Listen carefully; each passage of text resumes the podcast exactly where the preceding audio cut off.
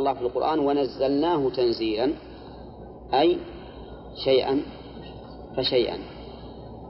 ما ظنكم لو كان هذا المطر ينزل دفعة واحدة من السماء؟ هل يبقي مباني؟ بل ولا يبقي ولا أواد ولا آدمي ولا ينفع شيئا. يتلف ولا ينفع. نعم. ومنه أيضا من كون من آيات الله أن هذا الماء ينزل من السماء. فلو كان ينزل من شيء طامن. لكان يغرق الأسفل قبل أن يصل إلى الأعلى. ولكن الله عز وجل جعله من فوق حتى يسقي به الأعلى والأسفل. وقول ينزل من السماء ماء فيحيي به الأرض بعد موتها. فيحيي الله عز وجل. وبه الباء للسببية. الباء للسببية. وهي تفيد كما سيأتي إن شاء الله تعالى تفيد إثبات العلل في أسم في أفعال الله. أولى إثبات العلل في أفعال الله سبق لنا مرارا وتكرارا بأن أفعال الله وشرع الله كله مقرون بالحكمة. والتعليل. ومنه ما سبق لكني نسيت أن أنبهكم عليها قول لتسكنوا إليها في الآية. لتسكنوا إليها. اللام للتعليل فتفيد إيش؟ أي نعم فتفيد الحكمة الحكمة. ثبوت الحكمة في أفعال الله. وقد مر علينا في العقيدة أن من أهل البدع من ينكر الحكمة. من هم؟ وغيره الأصل الجبرية اللي هم الجهمية ينكرون الحكمة. المعتزلة على العكس. المعتزلة يوجبون الحكمة. ولهذا قالوا إنه يجب على الله فعل الأصلح كما مر علينا في العقيدة. نعم. وقول فيحيي به الأرض بعد موتها. كلمة الأرض هل المراد ذات الأرض تحيا أو المراد النبات الذي في الأرض يحيا النبات ها؟ المراد النبات الذي في الأرض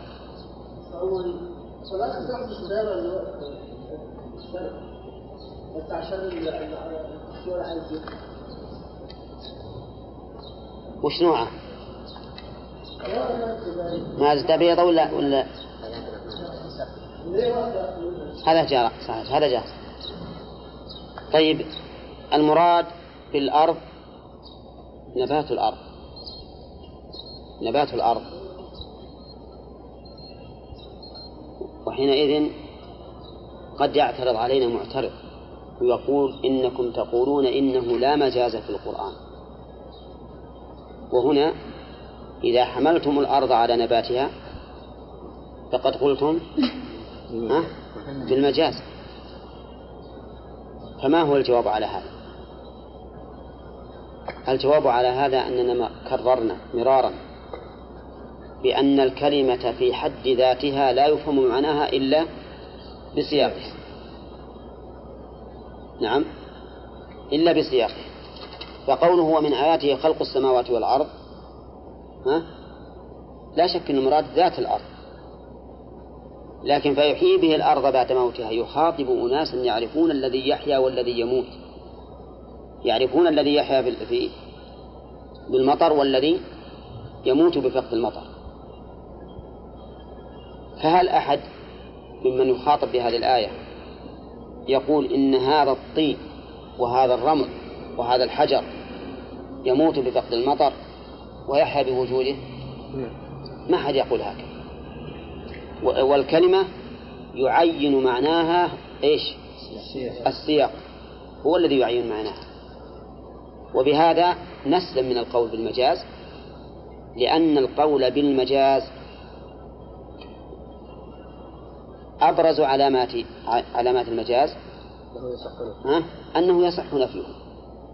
والقرآن ما في شيء يصح نفيه. لأنه لو صح نفي شيء في القرآن لكان معناه التكذيب. مثال ذلك يريد أن ينقض قال قائل الجدار لا يريد. وش معنى هذا؟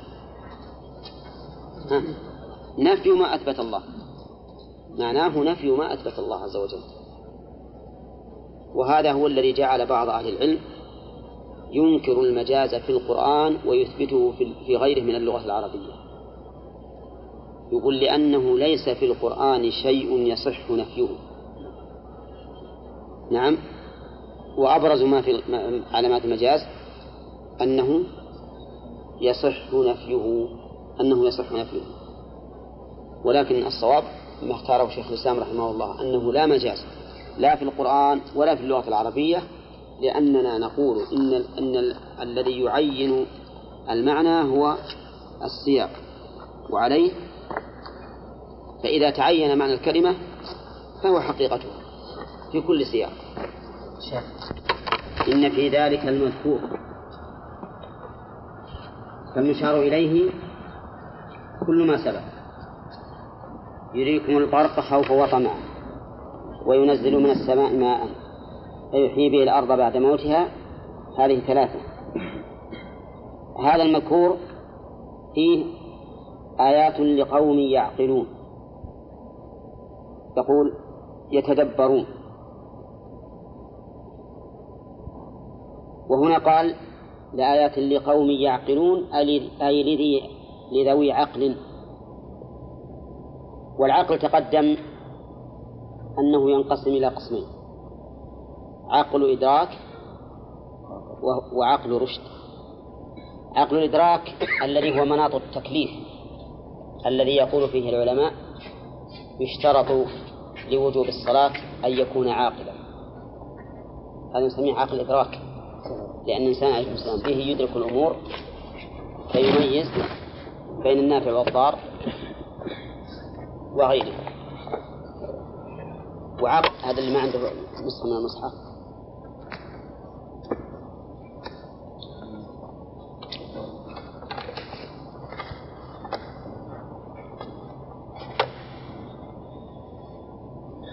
العقل الثاني عقل الرشد الذي هو مناط الثناء والمدح وهو الذي يوجد في القرآن كثيرا.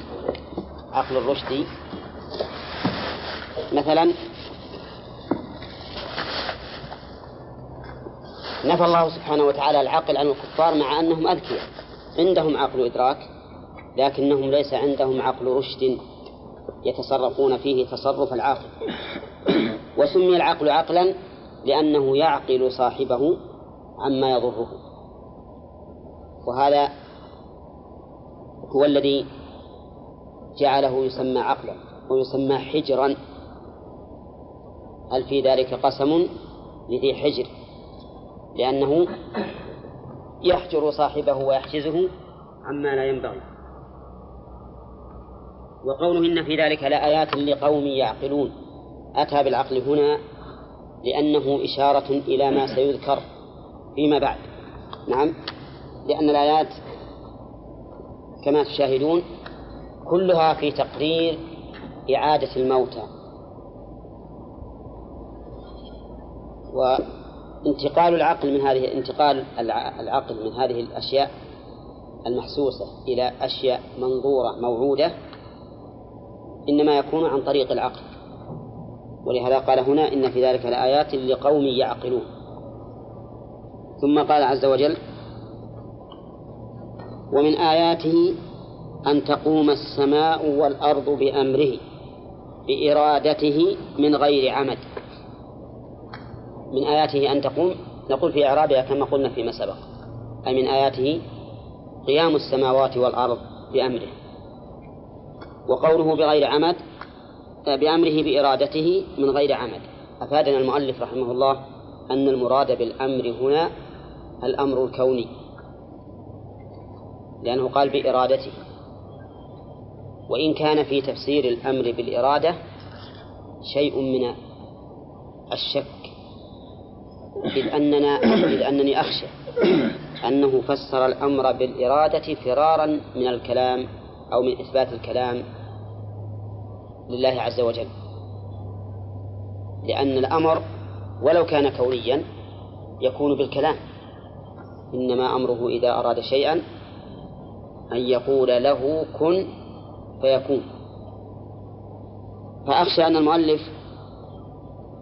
غفر الله له أراد بتفسير الأمر بالإرادة الفرار من إثبات الكلام ومعروف أن الأشاعرة لا يثبتون الكلام بالحرف والصوت وإنما يثبتون الكلام على أنه المعنى القائم بالنفس والحرف المكتوب والصوت المسموع يقولون إنه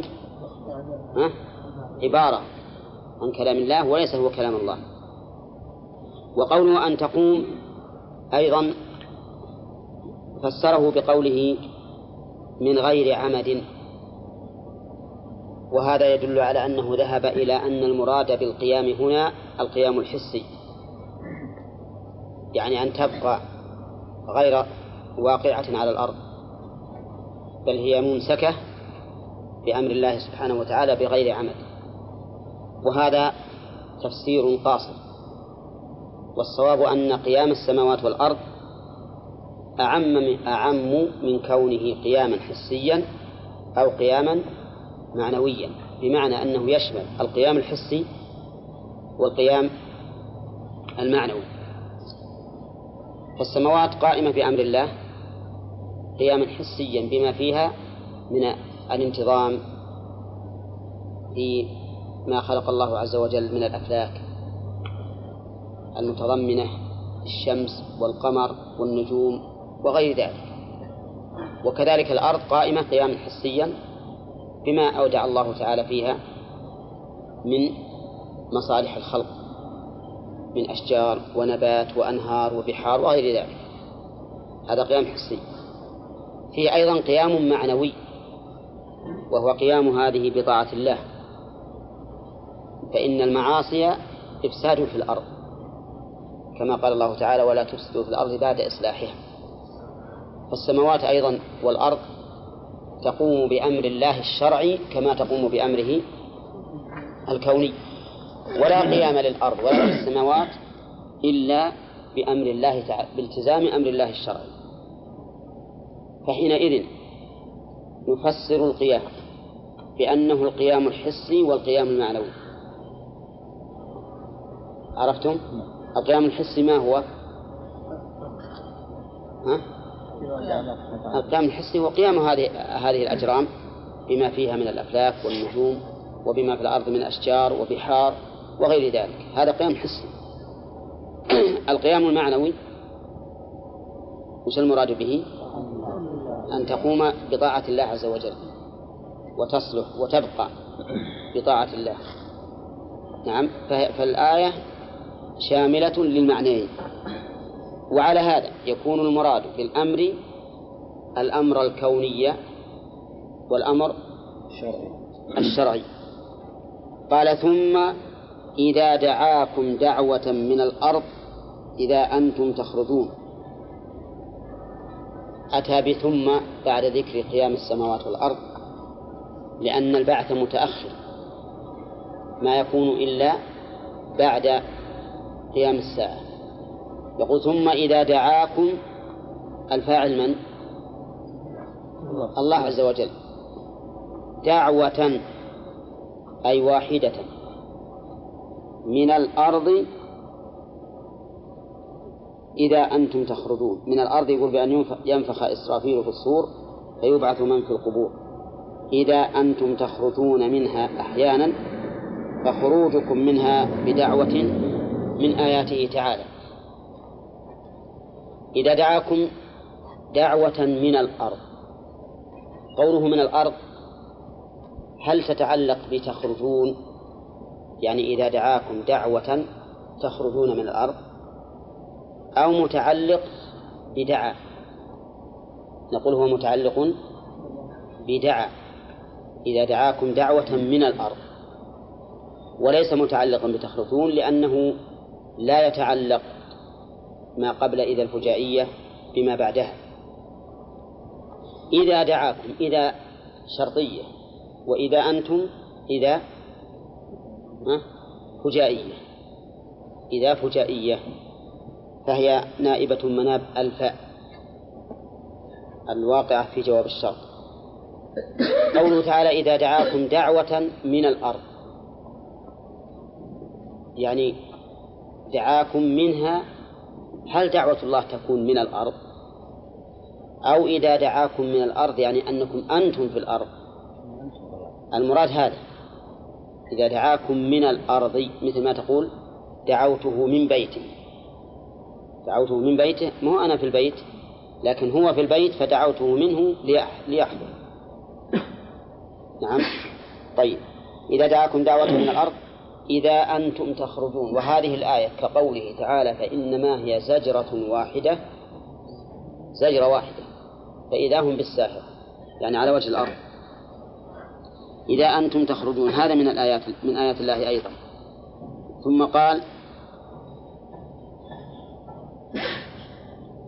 وهو الذي وله وله من في السماوات والأرض. ملكا وخلقا وعبيدا وله من في السماوات والأرض. الضمير في له يعود على الله وهو خبر مقدم والمبتدا من وتقديم الخبر كما هو معروف في علم البلاغة يفيد الحصر. الحصر يعني فالله وحده له من في السماوات والأرض. وقوله من في السماوات في السماوات جار مجرور متعلق بمحذوف تقديره؟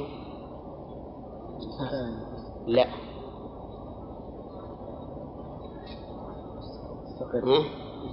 مستقر. لا. استقر. لأن الجار ومجرور الواقع صلة للموصول يقدر بجملة بفعل يقدر. يقدر بفعل. بخلاف الواقع خبرا لمبتدأ فإنه يقدر باسم.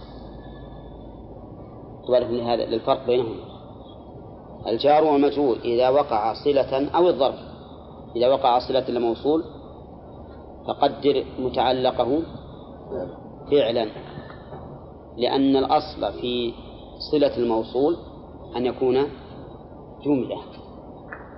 الأصل أن يكون جملة.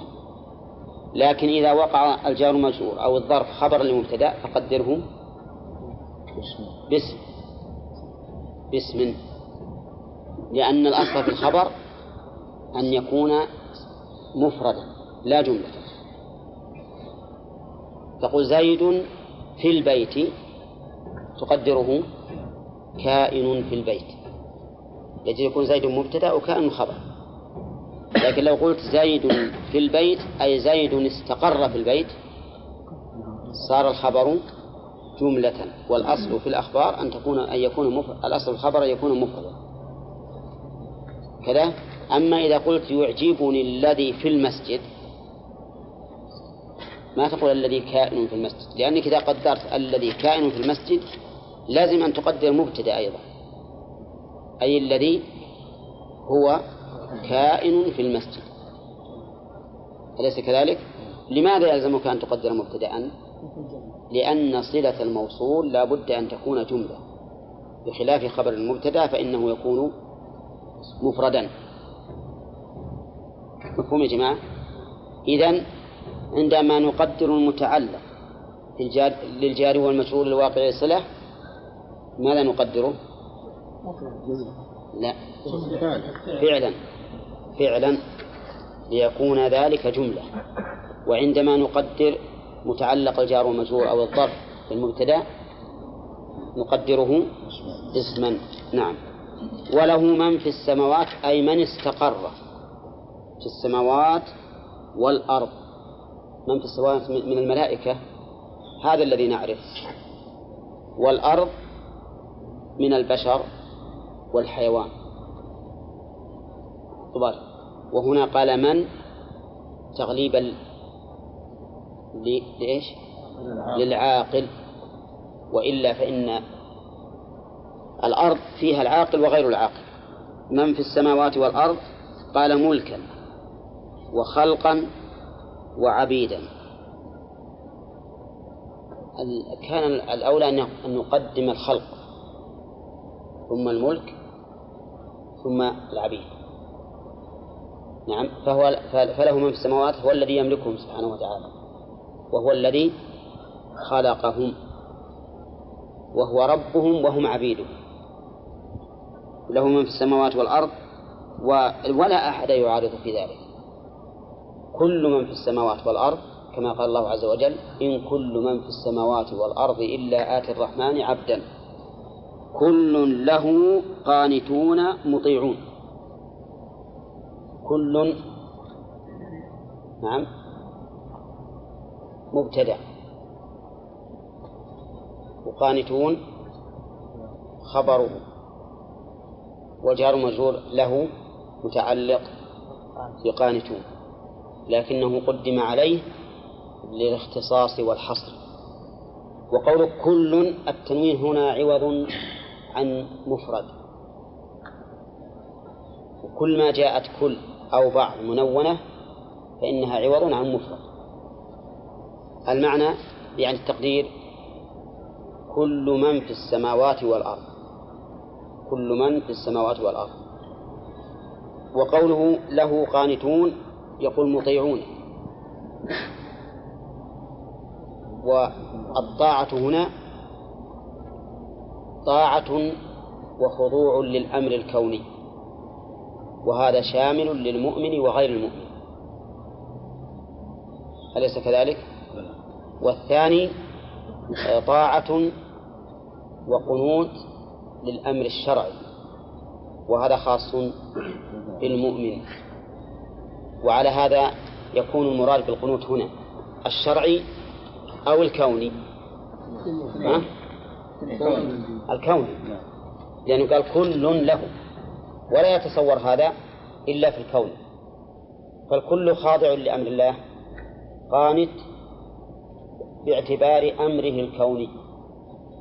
إذا أراد شيئا على من في السماوات والأرض؟ قال له كن فيكون. ثم قال تعالى وهو الذي يبدأ الخلق للناس ثم يعيده بعد هلاكهم وهو أهون عليه من البدء. وهو الذي يبدأ الخلق أي يبتدئه. وأتى بكلمة يبدأ لأن الخلق مستمر. كل يوم يكون فيه ابتداء خلق أليس كذلك؟ الأجنة في بطون الأمهات تنشأ كل يوم. كم في, في, الدنيا في اليوم الواحد من جنين يكون؟ كثير جدا. ولهذا أتى بالفعل المضارع الدال على الاستمرار. ولم يقل بدأ. وقول ثم يعيده يعني ثم هو أي الله عز وجل يعيده.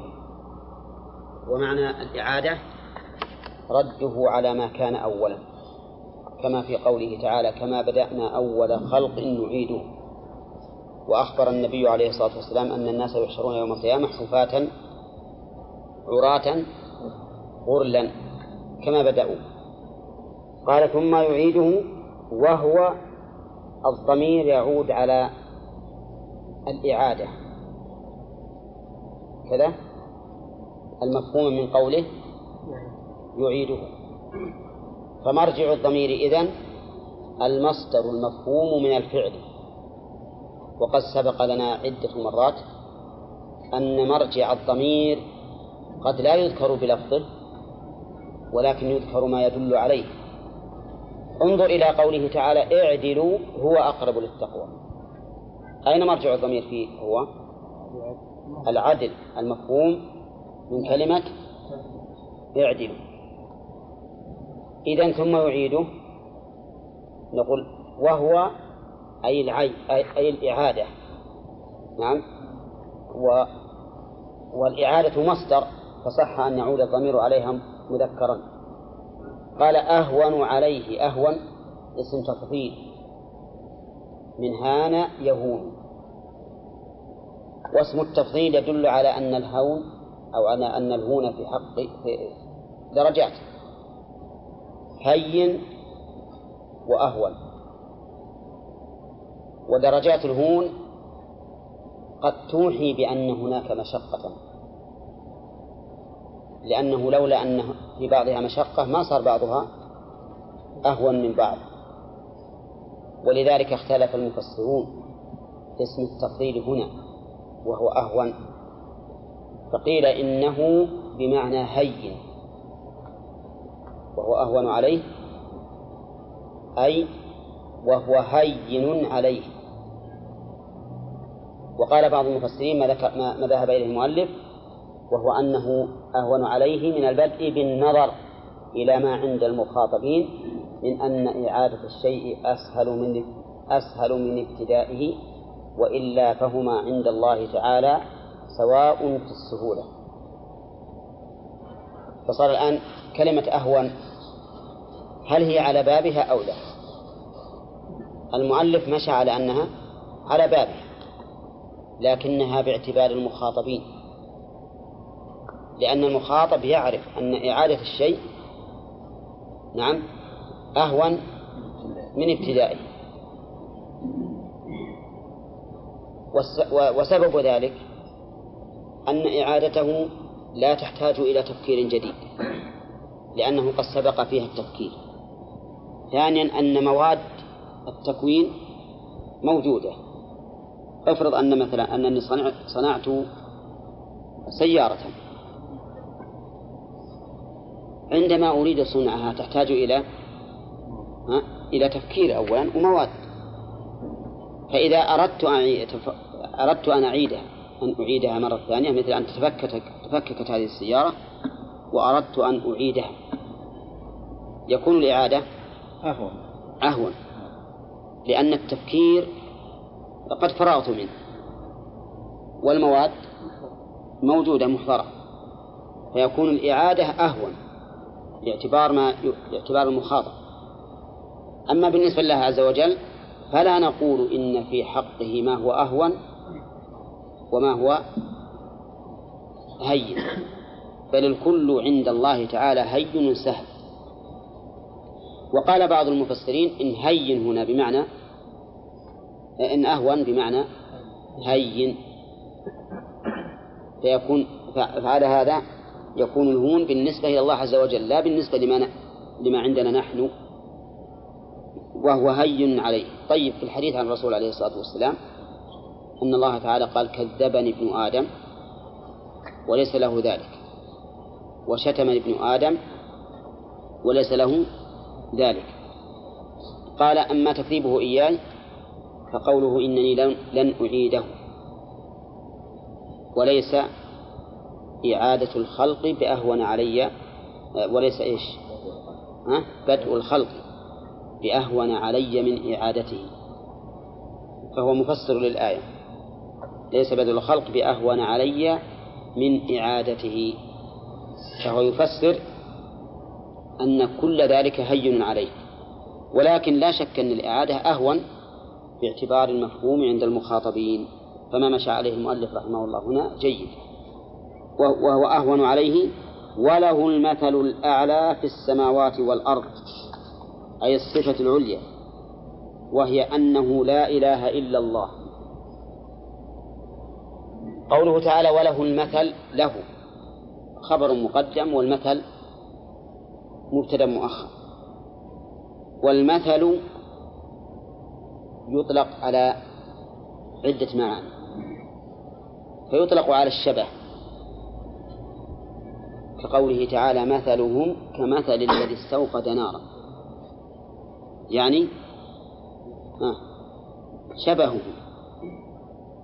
كشبه الذي استوقد نارا. ويطلق المثل على الصفة. كقوله تعالى مثل الجنة التي وعد المتقون فيها أنهار من ماء غير آسن ويطلق المثل على الذات. قالوا ومنه قوله تعالى ليس كمثله شيء. يعني ليس كذاته. ترى المثل والمثل سواء معناهما واحد.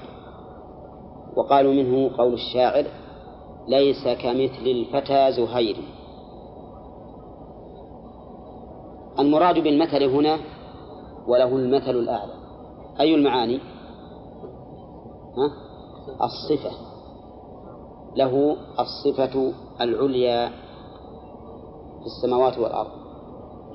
كل صفة كاملة فلله سبحانه وتعالى أكملها. وكل صفة نقص فإنه منزه عنها. لماذا ينزه عن صفة النقص؟ لأنه ما دام قد ثبت له الصفة الكاملة العليا فإنه بالضرورة العقلية ينتفي عن النقص. منزه لأنه لو اتصف بنقص ما استحق أن يكون له المثل الأعلى أليس كذلك؟ إذا هذه الآية الكريمة تدل على صفات الكمال لله عز وجل. الكمال المطلق لأنه قال المثل الأعلى. وعلى انتفاء النقص من جميع الوجوه. إذ أنه لو اتصف بنقص ما استحق أن يكون له ها؟ المثل الأعلى. ونأخذ من هذا أنه كل ما وصف الله به نفسه فهو صفة كمال وليس فيه نقص. ليس كذلك؟ كل ما وصف الله به نفسه فهو صفة كمال. وكل كمال فإن الله تعالى مستحق له. فهذان شيئان. الأول أن نعلم علم اليقين أن كل ما وصف الله به نفسه فهو صفة كمال. الثاني أن نعلم أن كل صفة كمال فالله تعالى مستحق لها. والله مستحق لها. فهو أهل لها كما قال الرسول عليه الصلاة والسلام أهل الثناء والمجد. وسيأتي إن شاء الله في الفوائد ما يستدل به على أن على الرد على الذين ينكرون صفات الله بحجة أنها تستلزم النقص وهو التشبيه. وقولها المثل الأعلى في السماوات والأرض. كيف معنى المثل الأعلى في السماوات والأرض؟ نعم يعني عند أهل السماوات من الملائكة وعند أهل الأرض. فكل الفطر السليمة فإنها تعترف بأن المثل الأعلى والصفة العليا لله وحده.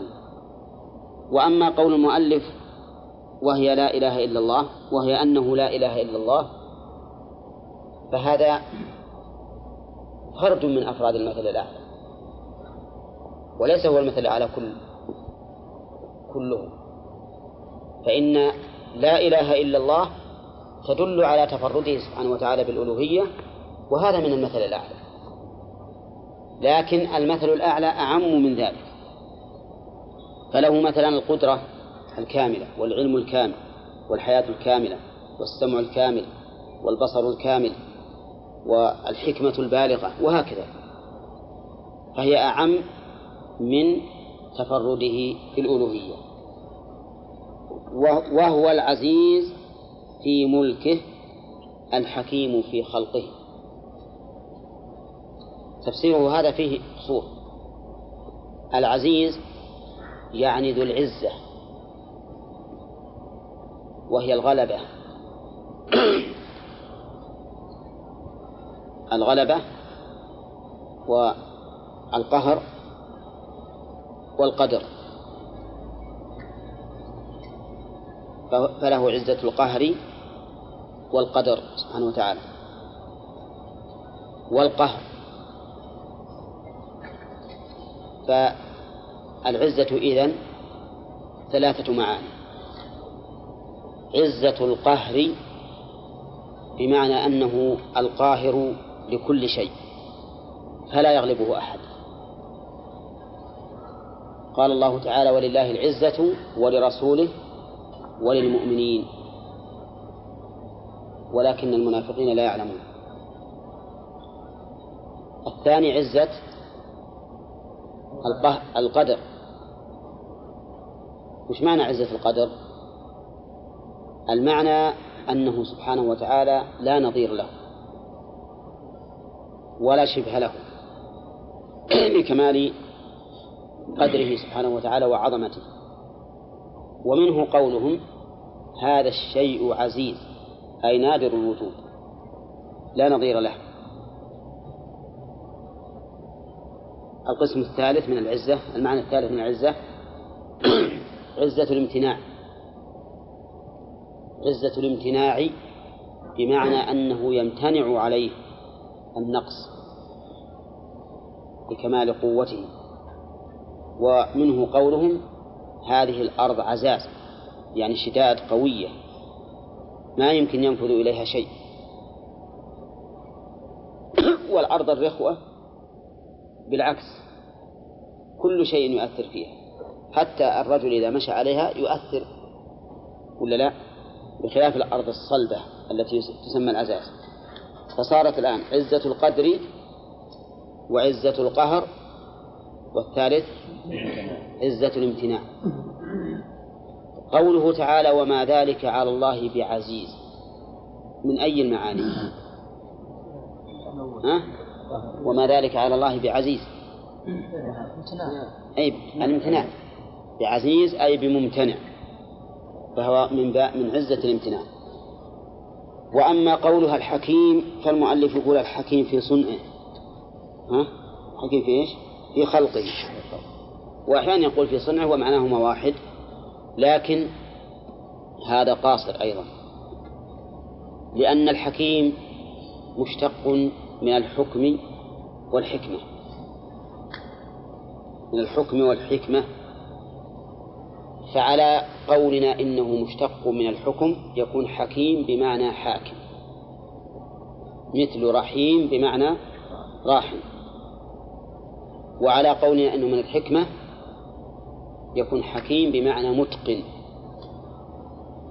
متقن فهو من أحكم يحكم. نعم. طيب فعيل بمعنى مفعل هل تأتي باللغة العربية؟ الجواب نعم. ومنه قوله تعالى عذاب أليم بمعنى مؤلم. ومنه قول الشاعر أمن ريحانة الداعي السميع يؤرقني وأصحابي هجور أمن ريحانة الداعي السميع أي المسمع. لأن الداعي يسمع غيره وليس هو نفسه سميعا. طيب إذن نقول حكيم إذا كان من الحكمة فهو من إيش؟ من أحكم. بمعنى أتقن. حطوا بالكم لتفسيره حكيم. نقول مأخوذة. من الحكم والحكمة. فعلى أنه مأخوذ من الحكم يكون بمعنى حاكم. مثل رحيم بمعنى راحم. سميع بمعنى سامع. طيب. إذا قلنا أن من الحكمة فهي من؟ أحكم. فهي حكيم بمعنى محكم. بمعنى محكم أي اسم فاعل من الرباعي. طيب الحكم ينقسم حكم الله عز وجل إلى قسمين. كوني وشرعي. كوني وشرعي. فالكوني نافذ في جميع الخلق شاءوا أم أبوا والشرعي نافذ في من؟ أطاع الله عز وجل. أما من لم يطعه فإنه لا ينفذ حكمه. طيب هل هناك أمثلة من القرآن تدل على هذا التقسيم أن الحكم كوني وشرعي؟ نقول نعم موجود. قال أحد إخوة يوسف فلن أبرح الأرض حتى يأذن لي أبي أو يحكم الله لي وهو خير الحاكمين. المراد بالحكم هنا الحكم الكوني القدري يعني أو يقدر الله ذلك. أما الحكم الشرعي فإن الله لما ذكر ما يجب في النساء المهاجرات. في سورة الممتحنة إيش قال؟ قال ذلكم حكم الله يحكم بينكم. ذلكم حكم الله يحكم بينكم. المراد بالحكم هنا الشرعي الشرعي. لأن ما ذكر من الأمور كله أمور شرعية. طيب ما تقولون في قوله تعالى وله الحكم وإليه ترجعون؟ أي الحكمين؟ شامل وكذلك قوله تعالى ومن أحسن من الله حكما لقوم يوقنون الظاهر أنه شامل وإن كان في الشرع في هذه الآية أظهر أظهر. لأن الله قال أفحكم الجاهلية يبغون ومن أحسن من الله حكما لقوم يوقنون. طيب إذن الحكيم من الحكم تنقسم إلى قسمين. هما؟ الحكيم من الحكم تنقسم إلى قسمين. حكم شرعي وحكم كوني. الحكم الكوني هو قضاؤه وقدره وكل أحد خاضع له. الحكم الشرعي ما حكم به شرعا وهو ويخضع له كل أحد؟ لا لا يخضع له كل أحد. أما إذا قلنا إنه من من أحكم حكيم من الحكمة بمعنى أحكم محكم فإن الحكمة يقولون إنها تنقسم إلى قسمين. حكمة غائية وحكمة صورية يعني صورة الشيء كذا وكذا. فكون الشيء على صورة معينة نجد أن جميع ما خلقه الله في صفاته كله على صفة موافقة للحكمة. نعم. تدبر المخلوقات تجد أن المخلوقات في ذواتها وحركاتها وهيئاتها وصفاتها كلها موافقة للحكمة. الحكمة الغائية هي الغايات المحمودة في أفعاله وأحكامه الشرعية. كل ما خلق الله عز وجل فإنه لغاية محمودة. ليس عبثا ولا سدى وما خلقنا السماوات والأرض وما بينهما لاعبين ما خلقناهما إلا بالحق. وما خلقنا السماء والأرض وما بينهما باطلا. ذلك ظن الذين كفروا فويل للذين كفروا من النار. حتى ما يقدره الله من الأمور المؤلمة فإنها حكمة. فهزيمة المؤمنين يوم أحد حكمة ولا لا؟ نعم حكمة لا شك. نعم. وما أصابكم يوم التقى الجمعان فبإذن الله وليعلم المؤمنين وليعلم الذين نافقوا. وقال وليمحص الله الذين آمنوا ويمحق الكافرين. فإذا كل أفعاله سبحانه وتعالى حكمة ولها غاية محمودة. كذلك أيضا أحكامه الشرعية مثل الأحكام الكونية هي على وضعها على صفة معينة موافقة للحكمة ثم غاياتها الحميدة التي بها صلاح القلوب والبلاد والعباد أيضا حكمة. فصار يا أخوانا الحكمة نوعان حكمة في الشيء على صفته المعينة وحكمة في غايته الحميدة. ثم إن هذه الحكمة تكون في الشرع وتكون في القدر في الكون. إننا إذا علمنا ذلك أن الله تعالى حكيم فإننا نطمئن غاية الاطمئنان لما قضاه وقدره ولما شرعه وحكم به. نطمئن وأنه موافق للحكمة. وحينئذ لا يمكن أن نورد ولا أن يرد على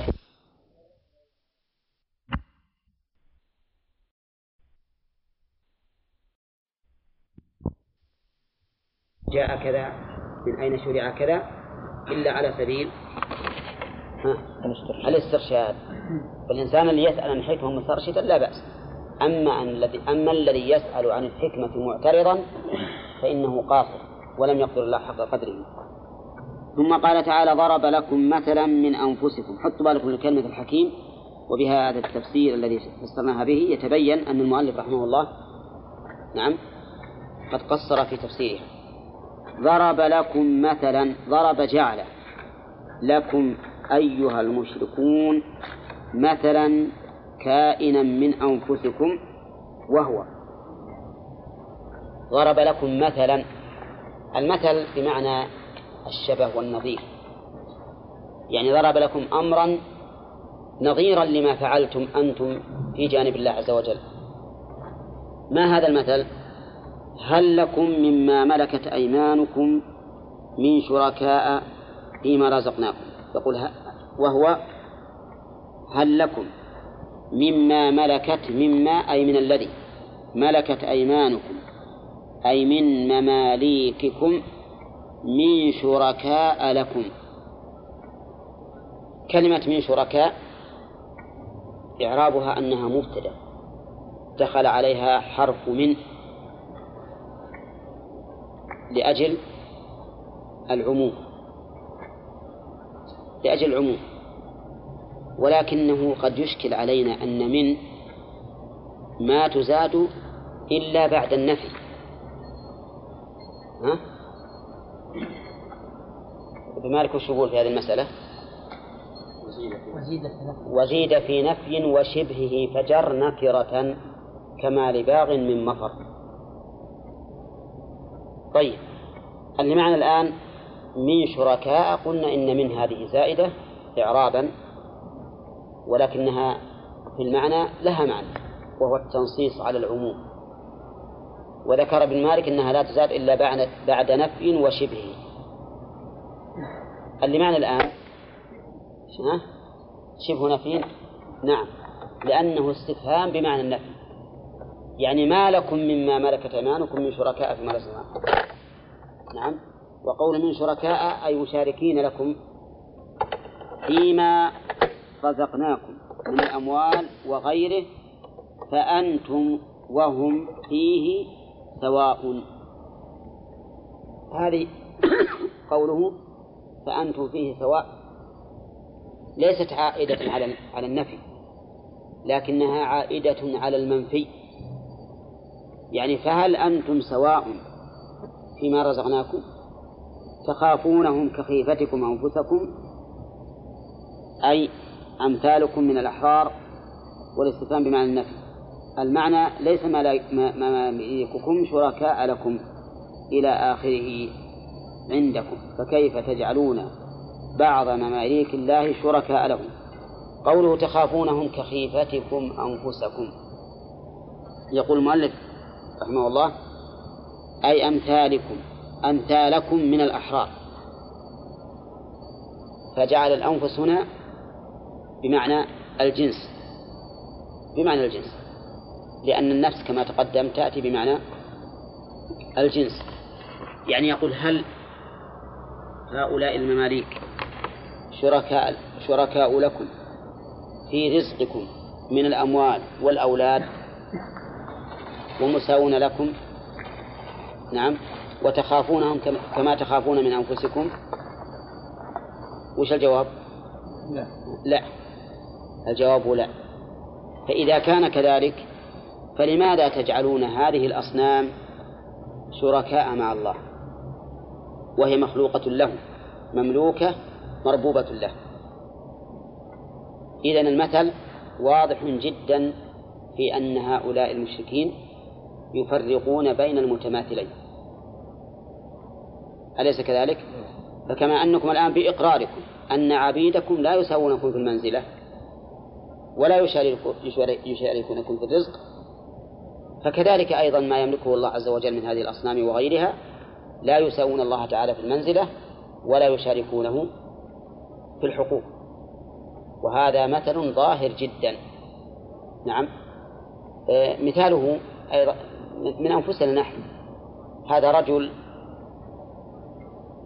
آه، يؤدب ولده إذا أخطأ فقال له بعض الناس ليش تؤدب ولدك؟ ليش تضربه؟ ليش تنهره؟ ماذا يقول له؟ يقول أليس ولا ألست تفعل بولدك مثل هذا؟ وش الجواب؟ الجواب بلى إذا كيف تلومني على شيء تفعله أنت؟ هذا الذي ذكر الله عنهم يقال لهم كيف تجعلون مع الله شريكا فيما يستحقه وحده؟ وأنتم لا تجعلون لأنفسكم شريكا من عبيدكم فيما تختصون به من من الرزق. والعجيب أن هذه الآية استدل بها من يرون الاشتراكية. أول ما ظهرت الاشتراكية في العالم العربي بدأوا يأتون بالنصوص المتشابهة. وقالوا هذه الآية صريحة في الاشتراكية. صريحة لا لا طيب كيف ذلك؟ قال لأنه يقول فأنتم فيه سواء. شوف كيف التلبيس. وهذه ما, ما هي على ما أراد. هذا داخل في النفي. يعني لستم فيه سواء. أليس كذلك؟ هذا معنى الآية. لكن دائما أهل الباطل يلبسون يلبسون لباطلهم بمتشابه النصوص. وهذه من حكمة الله عز وجل أنه جعل في النصوص أشياء متشابهة ليضل بها من يضل. والله أعلم. هذه وجدتها أمس. السماء ماء إلى آخره يستفاد من من الآية الكريمة. أولا أن البرق من آيات الله سبحانه وتعالى. أن البرق من آيات الله سبحانه وتعالى. لقوله ومن آياته يريكم. هذا سكروريته لقوله ومن آياته يريكم البرق. ومن فوائد الآية الكريمة أيضا أن البرق يشتمل على الخوف والرجاء كقوله خوفا وطمعا. وسبق أن صحيح أنها ليست موزعة كما ذهب إليه المؤلف بل هي صفة. نعم؟ مجتمعة. مجتمعة. ومن فوائد الآية الكريمة عظيم قدرة الله سبحانه وتعالى بإنزال الماء من السماء. ومنها رحمته بالخلق حيث كان إنزال هذا المطر من السماء. هذه واحد. وحيث كان ينزل شيئا فشيئا لأنه لو كان ينزل دفعة واحدة لأهلك الناس. ومن فوائد الآية بيان قدرة الله سبحانه وتعالى حيث يحيي الأرض بعد موتها. تجد الأرض يابسة ما فيها عود أخضر ثم بعد نزول المطر تصبح مضطرة تهتز. ومنها رحمته بالخلق أيضا فإن إحياء الأرض نافع للإنسان والحيوان. ومن فوائد الآية الكريمة أنه لا ينتفع بالآيات إلا ذوي العقول. تؤخذ يا حسين؟ نعم.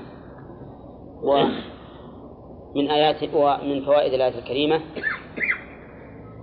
استعمال العقل في القياس في قياس الأشياء المتشابهة والنظير على نظيره. ومن فوائدها أن القياس من الأدلة العقلية. أن القياس من الأدلة العقلية. وإن كان ثابتا بالشرع لكن طريق إثبات طريقه هو العقل. لأن العقل يهتدي ويهتدي بهذا على هذا وينتقل من هذا إلى هذا. وقوله تعالى ومن آياته أن تقوم السماء والأرض بأمره إلى آخره. من فوائد الآية الكريمة أن قيام السماوات والأرض بأمر الله. لا لا ليس للمخلوقين فيه تعلق إطلاقا. الله تعالى هو الذي يقيمها يقيم السماوات والأرض سواء القيام الحسي أو المعنوي. ومنها إثبات الكلام لله. منين؟ لا قبل. بأمره. بأمره. والمؤلف قال بإرادته وتقدم التنبيه على هذا. أن المراد بأمره اللي هو الكلام أمر الكلام. ومن فوائد الآية الكريمة تمام قدرة الله سبحانه وتعالى ببعث الموتى بكلمة واحدة. ثم إذا دعاكم دعوة من الأرض إذا أنتم تخرجون. ولاحظوا يا جماعة أن المسألة ما هي بخلق واحد فرد أو اثنين أو ثلاثة أو عشرة. نعم. بل هي ما لا, ما لا, يحصيه إلا الله عز وجل. دعوة واحدة يكون بها جميع الخلق خارجين. وهذا لا شك أن فيه ما ما هو من أبلغ القدر. وأن الله سبحانه وتعالى على كل شيء قدير. ويستفاد من الآية أيضا أن مقر بني آدم الأرض. أن مقرهم الأرض. لقوله إذا دعاكم دعوة من الأرض إذا أنتم تخرجون. ويؤيد ذلك قوله تعالى منها خلقناكم. وفيها نعيدكم بعد؟ ومنها نخرجكم تارة أخرى. فالمعمول في هذه الآية مقدم. منها. وفيها ومنها. وتقديم المعمول يدل على الحصر. من هذا الشيء لا من غيره. إذا فالحياة على الكواكب متعددة بالنسبة لبني آدم.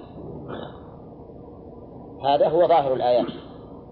ما أن بني آدم خلقوا من الأرض ويرجعون إلى الأرض ويدعون يوم القيامة من الأرض. ومنها إثبات الكلام لله في قوله ثم إذا دعاكم دعوة من الأرض. أما قوله تعالى وله من في السماوات والأرض فيستفاد منها عموم ملك الله. عموم ملك الله. من أين يؤخذ العموم؟ وله. لا لا من؟ من في السماوات. العموم من قوله من في السماوات لأن من؟ اسم موصول والموصولات كلها تفيد العموم. ويستفاد من الآية انفراد الله عز وجل بالملك واختصاصه به. من أين يؤخذ؟ تقديم المعنى من تقديم الخبر.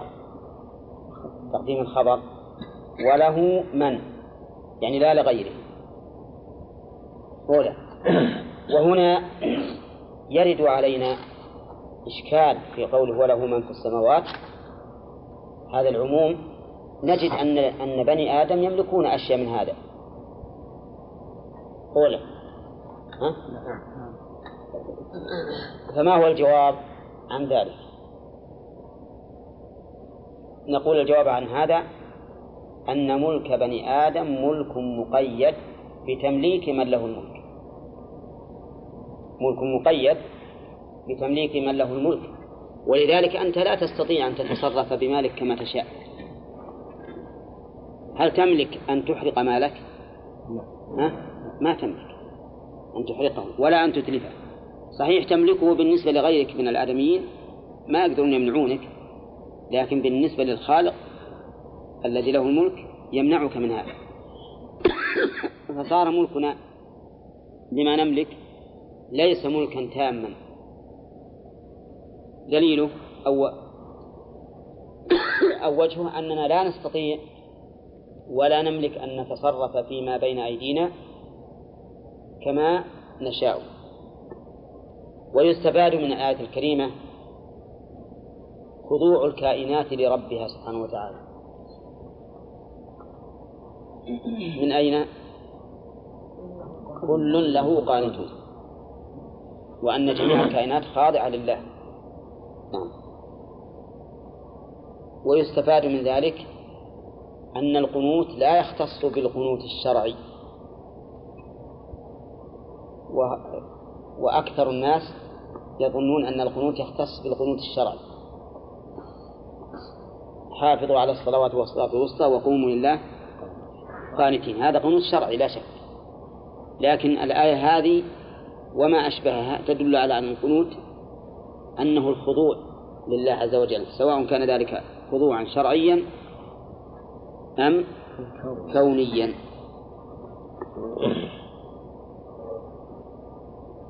ومن. ثم قال وهو الذي يبدأ الخلق ثم يعيده وهو أهون عليه يستفاد من هذه الآية الكريمة أن الخلق حادث بعد أن لم يكن. أولى الخلق حادث بعد أن لم يكن. من أين يؤخذ؟ هو الذي يبدأ الخلق. فيكون في الآية رد لقول الفلاسفة القائلين بقدم العالم. القائلين بقدم العالم. والصواب أن العالم حادث بعد أن لم يكن. نعم لقوله هو الذي يبدأ الخلق. ومن فوائد الآية الكريمة إثبات إعادة الخلق. لقوله ثم يعيده. ومن فوائدها أيضا استعمال قياس الأولى. استعمال قياس الأولى. وأظنكم تعرفون قياس الأولى في الفقه. في أصول الفقه. الاستدلال بالنظير على نظيره هذا قياس مساواة. والاستدلال على الشيء بما هو أولى. نعم. على الشيء الذي يكون أولى من المقيس عليه. يسمونه قياس الأولى. فهنا في الآية استعمال قياس الأولى. من أين تؤخذ؟ قوله وهو أهون عليه إعادته فإنه إذا كان قادرا على الابتداء فهو على الإعادة. من باب؟ من باب أولى. على أحد الوجهين أي نعم. على ما مشى عليه المؤلف. طيب ومن فوائد الآية؟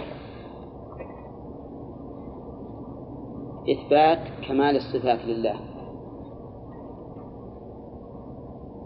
لقوله وله المثل الأعلى في السماوات والأرض. ومن فوائدها الرد على أهل التعطيل الذين ينكرون صفات الله عز وجل. فإن الذين ينكرون صفات الله ما جعلوا له المثل الأعلى بل جعلوه موصوفا بالنقائص. والعياذ بالله. سواء كان هذا التعطيل كليا أم جزئيا. لأنه إن كان كليا كما فعل الجهمية وسلبوه جميع الصفات وكذلك المعتزلة قالوا له أسماء بدون صفات. فظاهر أنهم وصفوا أنهم سلبوا الكمال عن الله. أما إذا كان جزئيا كما فعل الأشاعرة والماتريدية ونحوهم ونحوهم فإن هذا فيه سلب الكمال عن الله فيما وصف به نفسه. أولى استوى على العرش الاستواء صفة كمال. وهم يقولون استوى بمعنى استولى فلم يجعلوا للعرش خصيصة بالاستواء عليه. لأن الله تعالى مستول على كل شيء. وكذلك أيضا إذا قالوا إن المراد بالآيات خلاف الظاهر فإنهم وصفوا الله عز وجل بالنقص. كيف ذلك؟ لأنهم جعلوا لأن إرادة المتكلم بكلامه خلاف الظاهر بدون بيان يعتبر تدليسا وتمويها والله عز وجل ما أنزل القرآن إلا للبيان. نعم يريد الله ليبين لكم ويهديكم سنن الذين من قبلكم. يبين الله لكم أن تضلوا وأنزلنا إليك الذكر لتبين الناس والآيات في هذا كثيرة فإذا قلنا أن الله أراد بهذا خلاف الظاهر فهذا وصف له بالتعمية سبحانه وتعالى وأنه لا يريد البيان وهذا لا شك أنه نقص. ولهذا نقول إن جميع من أنكروا صفات الله عز وجل كلية أم جزئية فإنهم قد وصفوا الله سبحانه وتعالى بالنقص واضح؟ يستفاد من هذه الآية الكريمة أن كل صفة وصف الله بها نفسه فهي صفة كمال أولى من أين تؤخذ؟ وله المثل فإذا أثبت لنفسه صفة علمنا أنها صفة كمال. الرحمة أثبتها الله لنفسه. صفة كمال ولا نقص؟ كمال. لكنها عند أهل التعطيل المحرفين هي صفة نقص. يقولون إن الرحمة تدل على الخور والضعف. فلهذا رحمة الله لا يراد بها الرحمة وإنما يراد بها الإحسان أو إرادة الإحسان. يفسرونها إما بالجزاء المفعول المخلوق وإما بإرادته. وعلى هذا فقس.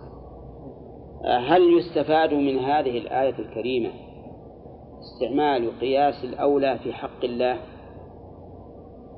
وأن نقول كل صفة كمال في المخلوق فالخالق أولى بها.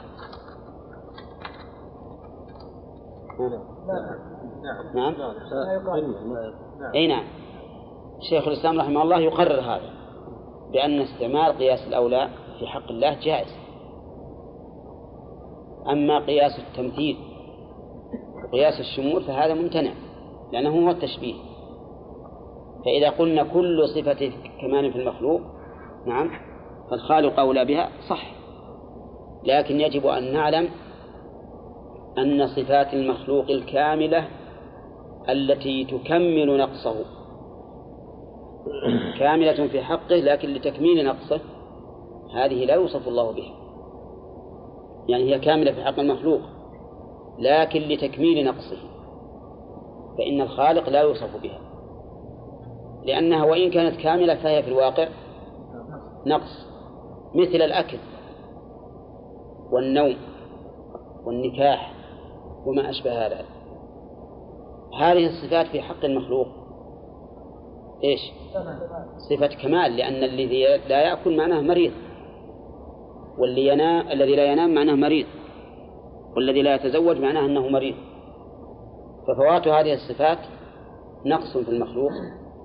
لكنها لما كانت تكميلا لنقصه صارت لا لا يوصف بها الخالق. نعم؟ لحاجة الإنسان إلى الأكل صار صار يأكل واللي ما يشتهي يموت اللي ما يشتهي ولا يأكل آخره الموت. وكذلك لما كان الإنسان يتعب ويحتاج إلى شيء إلى صفة تقطع هذا التعب وجعلنا النوم سباتا صار النوم في حقه كمالا. وكذلك لما كان الإنسان محتاجا إلى بقاء النسل والنوع صار النكاح في حقه ها؟ كمالا وفي الحقيقة تكميل لنقص لكن لا يوصف الله به عز وجل لأن الله كامل من جميع الصفات. نعم. سبق لنا أن الصفات توقيفية يعني. نعم. ولو فتحنا هذا الباب يعني كما قال الشيخ الإسلام رحمه الله اي نعم. فبدأ الإنسان يقيس في عقله وأن يخطئ لأنه قد يظن هذا احتمالا اي وهو ليس احتمالا هذه توقيفية وهذا ال ال ال بيرد علينا هذا الشيء. لكن نقول كل صفة كمال من حيث العموم والجنس. أما أن نقول كل صفة مثلا تثبت المخلوق نثبتها للخالق هذا ما ما, ما يمكن ما يستقيم.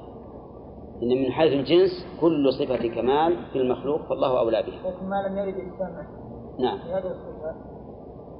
لكن إذا ورد السمع يد ذلك السمع. نعم. هو مؤيد وله المثل الأعلى نعم السمع بكل بأفراد هذه الصفات. ال- ال- مثل ما قلنا المقصود الجنس. أما كل صفة مثلا لا ما يمكن. خصوصا المثل عليه نعم. فيما ورد من الصفات. فيما ورد السمع. لا مطلقا. حتى مثل الأشياء التي قد لا لا تكون موجودة في النص وهي من صفات الله.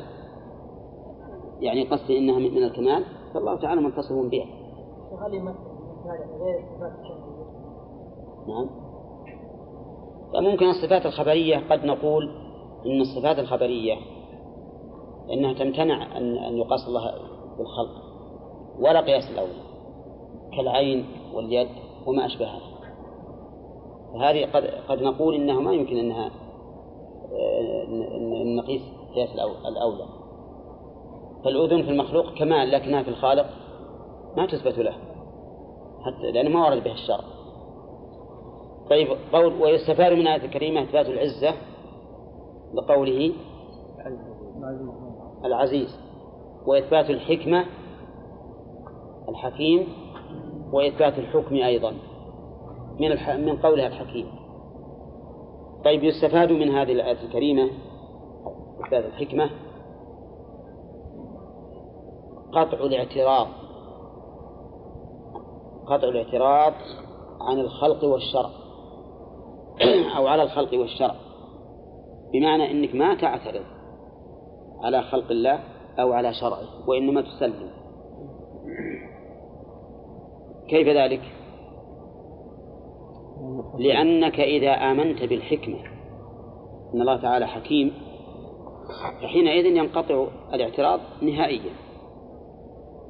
ما تقول لما ولا من أين؟ إلا على سبيل الاسترشاد. ومن فوائدها من فوائد الآية الكريمة اطمئنان الإنسان التام بما قدر الله تعالى وشرعه حيث إنه صادر عن الحكمة. نبدأ الآية الجديدة الآن. قال ضرب لكم مثلا من أنفسكم هل لكم مما ملكت أيمانكم من شركاء فيما رزقناكم؟ قوله هل لكم مما ملكت أي من الذي ملكت أيمانكم؟ ملكت هذه هي صلة الموصول والعائد محذوف والتقدير ملكته أيمانكم وقوله ملكت أيمانكم. الأيمان جمع يمين وهي اليد وهي اليد. وأضيف الملك إلى اليد لأن غالب تصرفات الإنسان بيده. وأضيف إلى اليمين لأنه أشرف من اليسار. وقوله مما ملكت أيمانكم المراد ما ملكت الأيمان من الإنسان. ولهذا قال المؤلف أي مماليككم أي من مماليككم وقوله من شركاء هذه هي المبتدأ مبتدأ. والخبر؟ وين الخبر؟ لكم المقدم.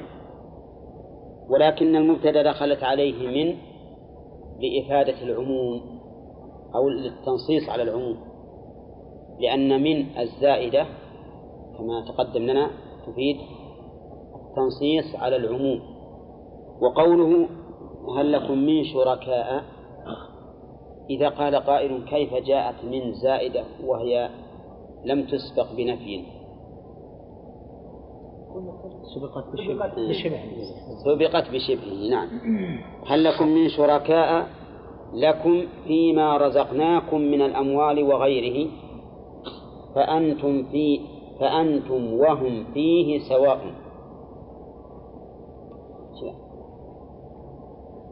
يقول المؤلف من شركاء فيما رزقناكم من الأموال وغيره. والجواب؟ لا. لا ولا ولا نعم نعم الجواب لا. ليس لنا مما ملكت أيماننا شركاء فيما فيما رزقنا. فالمملوك لا يشاركك في مالك ولا يشاركك أيضا في في ولدك ولا يشاركك في أي شيء تملكه. نعم. وقوله فأنتم وهم فيه سواء.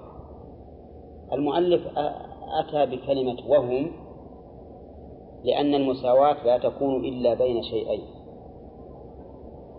إلا بين شيئين. فلهذا أتى بقولك بقوله وهم.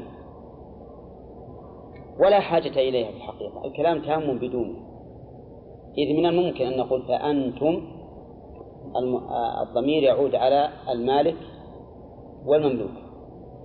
فأنتم أيها المالكون والمملوكون. فيه سواء. وحينئذ لا نحتاج إلى تقدير. وهم. وقوله فأنتم فيه سواء هذا الذي تسلط عليه النفي يعني لستم فيه سواء. تخافونهم كخيفتكم أنفسكم أي أمثالكم من الأحرار. تخافونهم. الضمير يعود على من؟ ها؟ على على ما؟ مما على ما؟ باعتبار اللفظ ولا باعتبار المعنى؟ باعتبار المعنى. لأن ما لو عاد إليها الضمير باعتبار اللفظ لعاد إليها مفردا. فلما عاد إليها جمعا صار باعتبار المعنى. وقولك خيفتكم أنفسكم. المؤلف رحمه الله جعل الأنفس بمعنى الجنس. يعني كما تخافون من جنسكم. ولهذا قال أي أمثالكم من الأحرار. ويمكن أن يقال إنه يعود على ذات الإنسان. تخافونهم كخيفتكم أنفسكم يعني أنكم كما أنكم لكم التسلط على أموالكم فأنتم تخافون أن يتسلطوا على هذه الأموال كما تتسلط أنفسكم. وقول كخيفتكم أنفسكم هذا مصدر مضاف إلى إلى الفاعل. وأنفس هي المفعول. قال المؤلف رحمه الله والاستفهام بمعنى النفي. أي ليس مماليككم شركاء لكم إلى آخره عندكم فكيف تجعلون بعض مماليك الله شركاء له؟ وهذا مثل واضح. نعم. أنه إذا كان أنك أنت أن لم تملك لا يشاركك في مالك وفيما هو من خصائصك فكيف تجعل لله تعالى شريكا فيما هو من خصائصه؟ الكلام واضح جدا في إلزام هؤلاء بعدم الشرك ولهذا قال الله عز وجل كذلك نفصل الآيات قال المؤلف نبينها مثل ذلك التفصيل لقوم يعقلون يتدبرون كذلك الكاف اسم. بمعنى؟ مثل بمعنى مثل فهو إذن مفعول مطلق. أين عامله؟ نفصل أي مثل ذلك التفصيل والتبيين نفصل الآيات. ولكن من الذي ينتفع بها؟ لقوم يعقلون. فإذا قال قائل إن الله تعالى فصل الآيات للعاقلين وغير العاقلين. فلماذا خصها بالعاقلين؟ خص ذلك بالعاقلين؟ الجواب لأنهم المنتفعون بها بهذا التفصيل. مثل ما وصف الله القرآن بأنه هدى للمتقين وفي آيات أخرى هدى للناس عام هدى للناس عام. فباعتبار أن الهداية المطلقة هو عام وباعتبار الانتفاع هو خاص. والله أعلم. اتبع الذين ظلموا أهواءهم بغير علم فمن يهدي من أضل الله من أضل الله وما لهم من ناصرين. قوله تعالى بل اتبع. هذه للإضراب. والإضراب هنا انتقالي وليس إبطاليا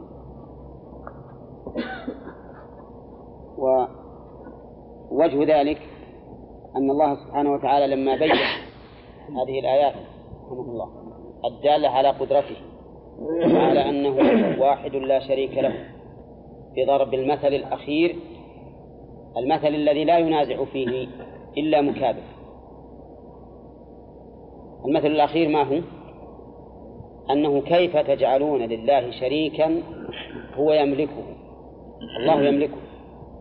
فهل لكم أنتم شركاء في أموالكم مما ممالككم الجواب لا. إذن فإنه يدل على أن الله لا شريك له. بعد هذا بين عز وجل أن الذين خرجوا عن ذلك وأنكروا البعث وأنكروا الوحدانية أنهم ليسوا على حق وإنما هم ظالمون. ولهذا قال بل اتبع الذين ظلموا أهواءهم. نعم. قولها الذين ظلموا قال المؤلف بالإشراك وهذا تخصيص في غير محله والظاهر لي أن المؤلف خصصه مراعاة للمثل الذي قبله. لأن المثل الذي قبله واضح في أن الغرض منه إبطال إبطال الشرك. ولكن لو قيل إنه يشمل هذا وغيره من من الظلم كإنكار البعث مثلا. إنكار البعث لا شك أنه ظلم لأنه يستلزم تكذيب الله عز وجل. كما ثبت في الحديث القدسي أنه أنه أن تكذيب الله أن الله تعالى لن يعيده كما بدأه وقد سبق ذكره. فيكون المراد بالظلم هنا الإشراك وغيره الإشراك وغيره مما ظلموا فيه أنفسهم. وقوله أهواءهم جمع هوى والهوى في الأصل الميل. الهوى في الأصل الميل ثم إنه لا يطلق في الغالب إلا على الهوى المذموم. فيقال اتبع هواه دون هداه. وقد يأتي للهوى المحمود كما في الحديث وإن كان فيه ضعف. لا يؤمن أحدكم حتى يكون هواه تبعا لما جئت به. فهنا الهوى التابع لما جاء به الرسول عليه الصلاة والسلام لا شك أنه هوى محمود وقول أهواءهم بغير علم بغير علم. يعني أن هذا الاتباع ليس مبنيا على علم بل هو مبني على الجهل والضلال في من كانوا جاهلين وعلى الاستكبار والعناد في من كانوا معاندين. فالذين اتبعوا أهواءهم اتبعوها بغير علم. إذا كانوا جاهلين فالأمر ظاهر أنه لا علم لهم باتباع أهوائهم. لكن إذا كانوا معاندين فهل نقول إنهم بغير علم؟ الجواب نعم نقول إنهم بغير علم. لأن من استكبر وعاند الحق فإنه كالجاهل بما يستحق الرب عز وجل. فهو في الحقيقة غير عالم. بل الجاهل خير منه. فإذا قال قائل كيف يصح نفي العلم مع وجوده؟ قلنا كما يصح نفي السمع مع وجوده ونفي العمى البصر مع وجوده لمن لم ينتفع به. أليس الله يقول ولا تكونوا كالذين قالوا سمعنا وهم لا يسمعون.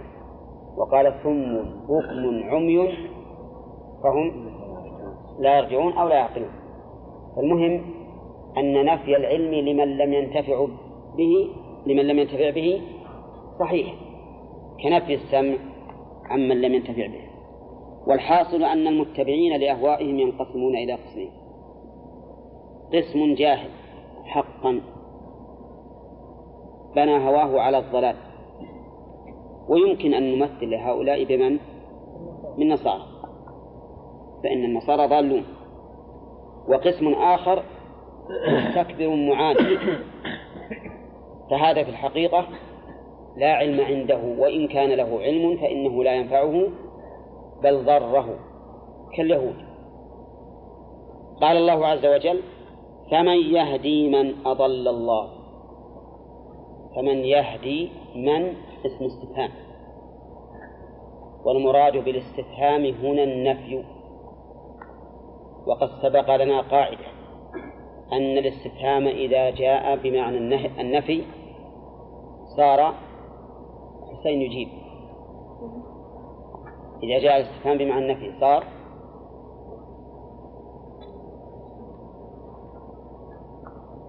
من؟ من يعرف. صار مشربا بالتحدي. صار مشربا بالتحدي لأنك إذا قلت من يفعل كذا أعظم من قلت مما إذا قلت لا أحد يفعله. كأنك تقول هذا أمر لا يمكن فإن كنت صادقا فأرني من يفعله من يفعله. فإذا جاء الاستفهام بمعنى النفي صار أبلغ من النفي المجرد. لأن الاستفهام بمعنى النفي مشرب معنى التحدي. وقوله من أضل الله الله فاعل. أين المفعول؟ مفعول محذوف. والتقدير من أضله الله. وهذا المفعول هو عائد الموصول. وعائد الموصول الذي يعود إليه. فمن يهدي من أضل الله قال المؤلف أي لا هادي له. فسر الاستفهام بالنفي أي لا هادي له. وهو حق. لكنه كما قلت أبلغ من النفي المجرد. ثم قال وما لهم من ناصرين مانعين من عذاب الله. الظاهر أن الواو هنا للاستئناف للاستئناف نعم. للاستئناف لأن الجملة خبرية والتي قبلها إنشائية. من؟ إنشائية. هل صحيح ولا؟ نعم. ليش؟ استفهام. استفهام. الاستفهام من قسم الإنشاء كما قرأنا في البلاغة. أو ما يدرس في الليل لا لا يعرف في النهار. نعم. طيب. وما لهم من ناصرين يعني أن هؤلاء الذين اتبعوا أهواءهم بغير علم مستحقون للعذاب ولن يجدوا أحدا ينصرهم منه أي من العذاب أي يمنعهم. وقوله وما لهم من ناصرين النفي هنا مؤكد بمن؟ الزائدة الداخلة على قوله ناصرين. وأصل الكلام بدون هذه أن يقال وما لهم ناصرون. وما لهم ناصرون. أسأل الآن هل ما هنا حجازية؟ أو عربية؟ عربي ها؟ عربية؟ نعم. حجازية. ترى الحجازي معناها الذي يختص به الحجازيون والعربي الذي الحجازيين والتميميين. ها؟ عربية. نعم. عربية. لماذا؟ لاختلاف الترتيب. نعم. لأن خبرها قدم ولا تكون حجازية إلا إذا كانت مرتبة ال- الاسم قبل الخبر. وما لهم من ناصرين. قال الله تعالى فأقم وجهك للدين حنيفا بعد أن توعد هؤلاء المشركين بما توعدهم به وبين أنه لا أحد يهديهم. إذا أضلهم الله عز وجل